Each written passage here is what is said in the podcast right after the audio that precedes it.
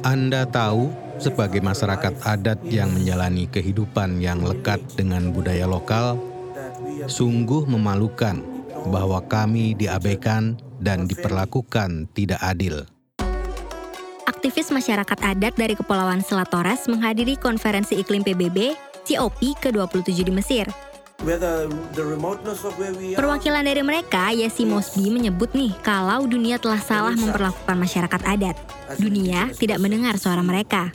Kami masih berlatih selama lebih dari 60.000 tahun, And we have dan kami punya banyak hal untuk ditawarkan. Dan dunia punya banyak hal untuk dipelajari dari kami dan apa yang kami ketahui tentang ibu pertiwi kami. Masyarakat adat di berbagai belahan dunia merasakan betul nih dampak perubahan iklim. Mereka mulai angkat suara dan begitu pun di Indonesia. Planet ini adalah rumah besar kita. Ini rumah betang kami. Dan ketika satu krisis terjadi di satu tempat, Anda tidak bisa hanya duduk dan menonton. Generasi muda dari salah satu suku di Kalimantan, Emanuela Sinta, melalui The Guardian melontarkan kritik dan harapan kepada para pemimpin dunia yang rutin bertemu di konferensi iklim PBB. Iya sih, jangan sampai kita terus-terusan ngomong dan diskusi soal menjaga hutan, tapi malah nggak mampu menyelamatkan satu inci pun bagian dari hutan itu.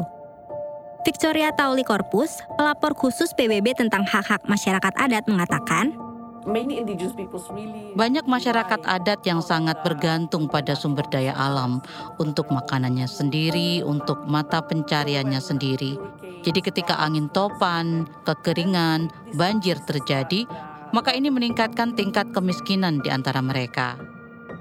masyarakat adat paham betul bagaimana hidup berdampingan dengan alam sembari melestarikannya. Kini malah mereka yang berada di barisan paling depan merasakan dampak perubahan iklim. Sains sekitar kita Sains punya peran, dan penjelasan tentang hampir setiap hal dalam hidup kita. produksi KBR, Dan The Conversation Indonesia. Sains sekitar kita. Ketemu lagi di Sains Sekitar Kita season ketiga, saya Muhammad Syarif Acil. Dan saya Cornelia Wendelina. Di episode sebelumnya kita udah banyak bahas soal bagaimana sih dampak perubahan iklim itu pada masyarakat perkotaan ya Kak Acil. Yes. Yang kelewat nih buat kamu yang belum pernah denger, mungkin boleh ya nanti dengerin episode-episode sebelumnya. Nah, kali ini kita mau lihat gimana sih dampak perubahan iklim terhadap masyarakat adat atau suku-suku asli. Emmanuel Sinta yang suaranya tadi kita dengar di awal ya adalah pendiri Yayasan Ranuelum. Dalam wadah ini generasi muda suku Dayak itu menyuarakan persoalannya terkait isu sosial, hak asasi, juga lingkungan hidup terutama nih hutan dan juga lahan gambut di Kalimantan. Ini dijelasin sama Emanuela dalam salah satu postingan di akun YouTube Yayasan Ranuelum. Saya lahir dan dibesarkan di Kalimantan. Dan tentu saja lahan gambut menjadi bagian dari hidup saya. Situasi di Kalimantan saat ini lahan gambutnya di Kalimantan Tengah sudah rusak parah. Karena tata kelola lahan yang salah dan tentunya juga karena perubahan iklim. Panas matahari pun bisa memicu kebakaran di lahan gambut. Dan itu sudah terjadi selama 23 tahun. Jadi sekarang kami melakukan yang terbaik yang bisa kami lakukan untuk memulihkan ekosistem lahan gambut di Kalimantan Tengah. Emanuela menyaksikan dampak yang ditimbulkan akibat kerusakan lingkungan tempat tinggalnya. Dia bilang nih, kalau salah kelola hingga pemanfaatan sumber daya yang enggak berkelanjutan itu yang jadi biang keladinya. Dan kini, perubahan iklim membuat situasi menjadi lebih buruk. Hutan yang hilang membawa pergi segalanya. Kan hanya pepohonan dan juga satwa, tapi juga tradisi dan kebudayaan. By the way nih Kak Acil, problem yang dirasakan Emanuela itu juga dirasakan kawan kita namanya Jangat Tiko, pemuda kader Sekolah Rimba. Sekolah Rimba ini sekolah untuk anak-anak orang rimba atau suku kubu di pedalaman hutan Jambi, Sumatera. Sebenarnya kalau bicara apa sih arti hutan itu bagi orang rimba, ya itu adalah salah satu tempat tinggalnya orang rimba. Karena memang orang rimba selalu menjaga hutannya dengan bagus, dia dia tetap di hutan. Ya mungkin karena memang usul asal orang rimba itu di dalam hutan, jadi ya bagaimana cara dia mempertahankan hutannya tetap lestari dan bagus istilahnya. Alright Nel, kita kenalan lagi sama satu orang namanya Nelce Etivera Asem. Dia adalah ketua Eco Defender Jayapura. Jadi Eco Defender ini adalah program Yayasan Ekonusa yang punya tujuan untuk mendorong generasi muda untuk jadi pelopor aksi lingkungan. Masyarakat Papua pada umumnya menyebut hutan itu adalah mama, hutan itu adalah ibu yang memberikan kami makan. Saya juga ingat kata-kata dari Kakak Cato itu seorang chef yang dia juga mengembangkan bahan makanannya itu dari yang tradisional gitu. Beliau mengatakan bahwa hutan itu adalah pasar bagi orang Papua berbelanja tanpa mengeluarkan uang. Bagi kami, hutan adalah mama karena ketika kami ke hutan itu apa yang kami perlukan kami dapatkan semua dengan gratis. Menurut saya hutan itu sangat penting untuk kami masyarakat asli Papua. Nah, ada nih Kak Cato ya. Hmm. Nama lengkapnya adalah Charles Toto. Dia adalah juru masak hutan atau jungle chef di Papua. Pernah lihat nggak, Nel? Kalau nggak pernah, buka Google ya. Oke. Jadi Kak Cato ini tuh dia kalau mau masak nggak pakai kompor. Dia pakai bakar batu nama tekniknya. Dan kadang juga tuh dia manfaatin yang namanya kulit pohon kayu putih. Bahan baku masakannya dia peroleh juga dari hutan Papua. Keren banget kan? Hmm, banget. Interesting juga ya. Sebagai anak yang udah lama nih tinggal di Jawa dan jarang banget lihat hutan dalam keseharian, Hmm. aku jadi penasaran Kak Acil, berapa sih sebenarnya luas hutan di sana? Hmm. Bentar ya, aku Hmm. googling dulu nih. Kalau dilihat dari data Badan Pusat Statistik atau BPS, luas tutupan hutan di Papua itu yang terluas loh di Indonesia, sekitar 34 juta hektar. Ini data tahun 2020 sih, tapi luas banget ya. Nah, karena itu luas, keberadaannya itu sangat penting buat masyarakat Papua dan juga suku-suku pedalaman di sana nih. Mhm. Bayangin nih, kalau misalnya hutannya rusak atau mungkin dialihfungsikan, ini jelas bakal ngeganggu keberlanjutan hidup orang-orang tadi gitu, Nel. Mhm. Bener Kak, itu juga yang dirasakan oleh Piko dan juga orang rimba lainnya di Jambi.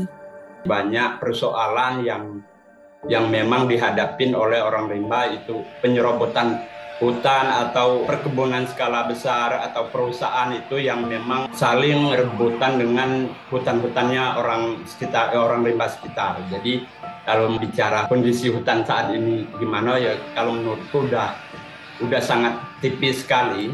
Mungkin kalau kita bicara mungkin 50% udah udah hancur semua.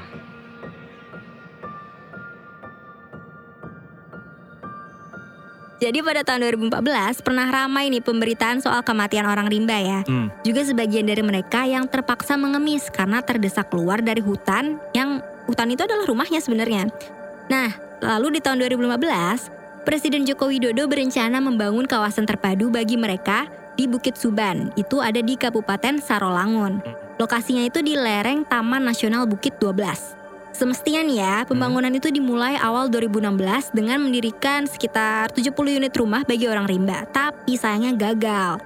Jadi intinya pemerintah itu luput nih memikirkan bagaimana orang rimba yang biasa hidup nomaden dan Hmm. juga berburu itu bisa mencukupi kebutuhan hidup ketika mereka dipaksa menetap. Nah pemerintah hanya membangun rumah tapi mereka tuh kayak nggak punya itikat untuk memulihkan ruang hidup orang rimba yang digerus korporasi. I see, ini mirip sama yang terjadi di Papua saat ini kalau menurut Nelce tadi. Dari data yang saya lihat dari Green, Green Beach, itu LSM lingkungan juga, itu sejak 2021 sampai 2020 total deforestasi di Papua mencapai eh, 641,4 ribu hektar. Saat ini 7,5 juta hektar hutan juga terancam mengalami deforestasi. Akhir-akhir ini yang kita di Jayapura sendiri itu di Lembah Grenawa kalau tersalah itu saat ini mereka sedang melakukan penolakan terhadap perusahaan sawit. Jadi menurut saya laju deforestasi di Papua juga menurut saya agak cukup cepat. Lembah Grimenawa di Kabupaten Jayapura adalah hutan rimba dan juga hutan hujan tropis. Tahun 2012, Bupati Jayapura ngasih izin konsesi pada PT Permata Nusa Mandiri untuk ngebuka lahan sawit. Izinnya kemudian dicabut tahun kemarin oleh Menteri Lingkungan Hidup dan Kehutanan, tapi perusahaan ini masih bandel dan ngebuka lahan hutan di Lembah Grimenawa. Ini tuh bikin masyarakat adat sana marah, Nel. Dan yang lebih excitingnya lagi, sebenarnya Lembah Grimenawa ini itu habitatnya burung cendrawasih.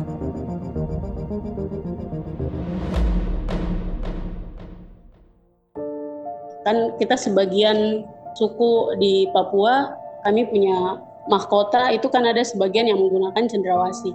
Jadi ketika cendrawasih itu ketika dia ada itu menunjukkan bahwa hutan itu masih utuh. belum diganggu oleh manusia gitu. Kalau seandainya hutan rusak, dengan sendirinya cendrawasih itu dia akan kehilangan dia punya habitat atau tempat tinggal. Dengan sendirinya dia mungkin akan berpindah tempat atau mungkin punah. Dan itu akan berpengaruh pada kita yang menggunakan itu. Yang hilang bukan hanya harapan dan nominal saldo di rekening ya, tapi hutan hilang, nggak cuma hutan, tapi tradisi sama budaya masyarakat juga hilang Nel. Mm-mm, bener banget kak. Tapi sebenarnya ya kak Acil, ini tuh udah lebih dulu terjadi sama orang rimba di Jambi. Kalau tradisi yang terdampak memang udah terasa juga karena memang seharusnya seharusnya dulunya upacara bebala itu setiap pernikahannya orang rimba itu dilakukan untuk upacara itu sekarang udah mulai mulai berkurang. Mulai berkurang karena itu tadi tergantung dengan berkurangnya ruang hidup orang rimba yang memang lagi murni.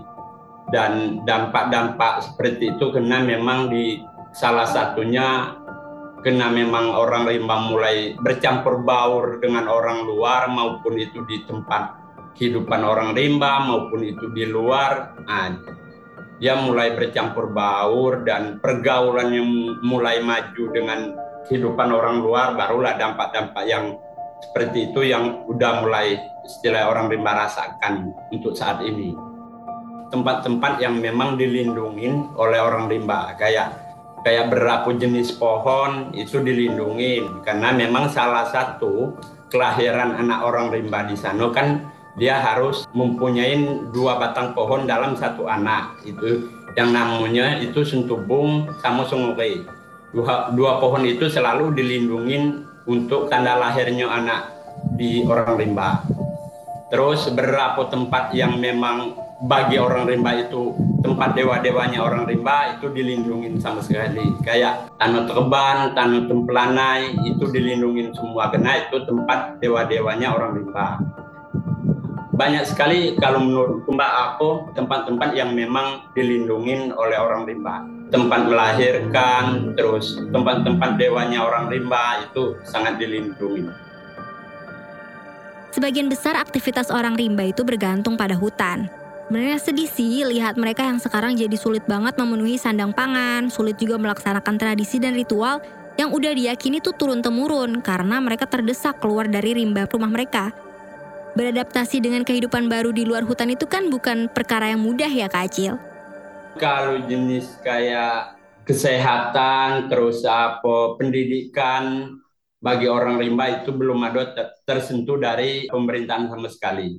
Karena ya salah satunya di orang rimba apalagi lah pendidikan maupun itu kesehatan itu belum ada akses jalan pun untuk menuju ke wilayahnya orang rimba itu belum ada sekali, sama sekali jadi itu yang memang dirasain sekali bagi orang rimba karena ketika orang rimba ada yang sakit, ada yang apa mau bawa keluar itu posisinya susah sekali bagi untuk orang rimba.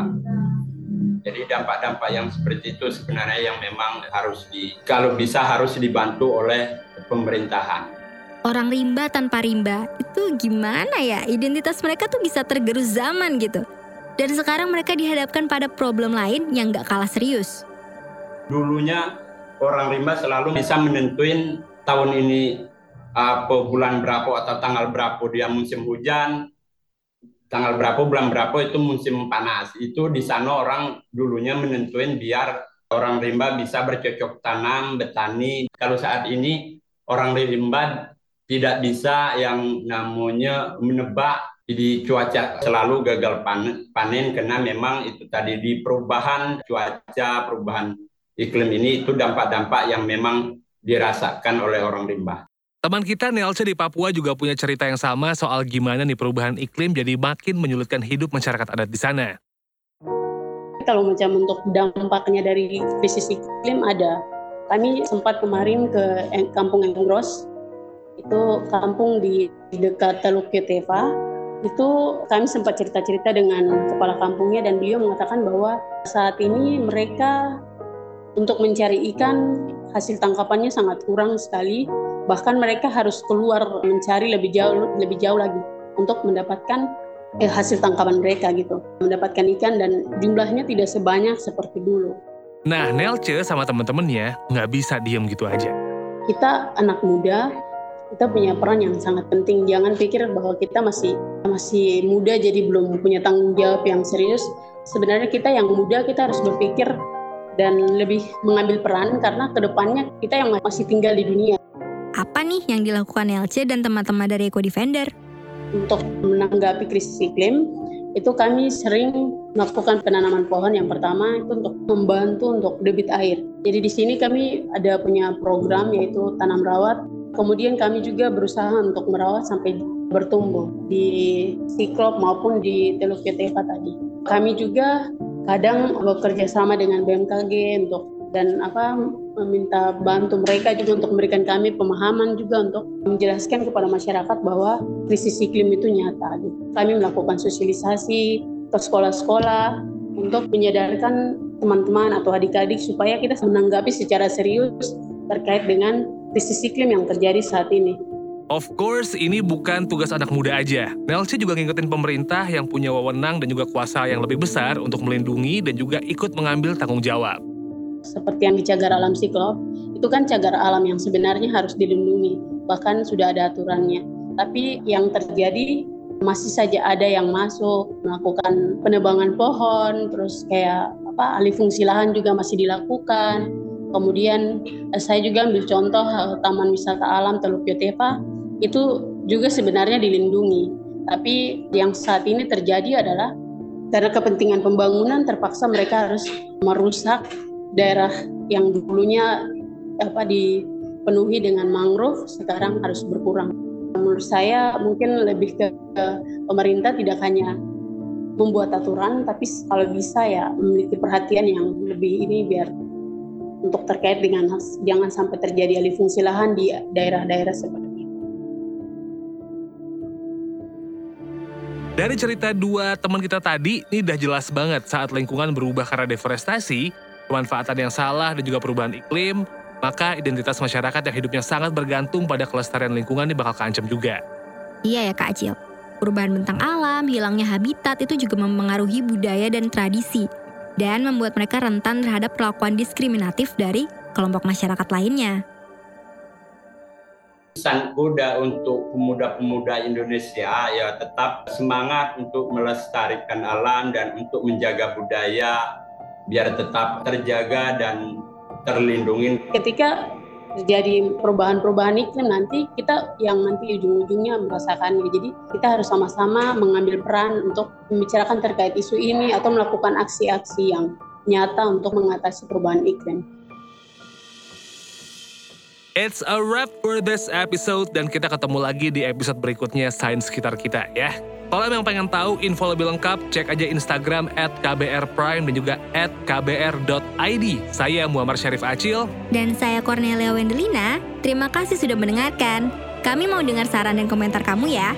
Yuk sampaikan melalui podcast at kbrprime.id. Bye! Sains Sekitar Kita. Sains punya peran dan penjelasan tentang hampir setiap hal dalam hidup kita.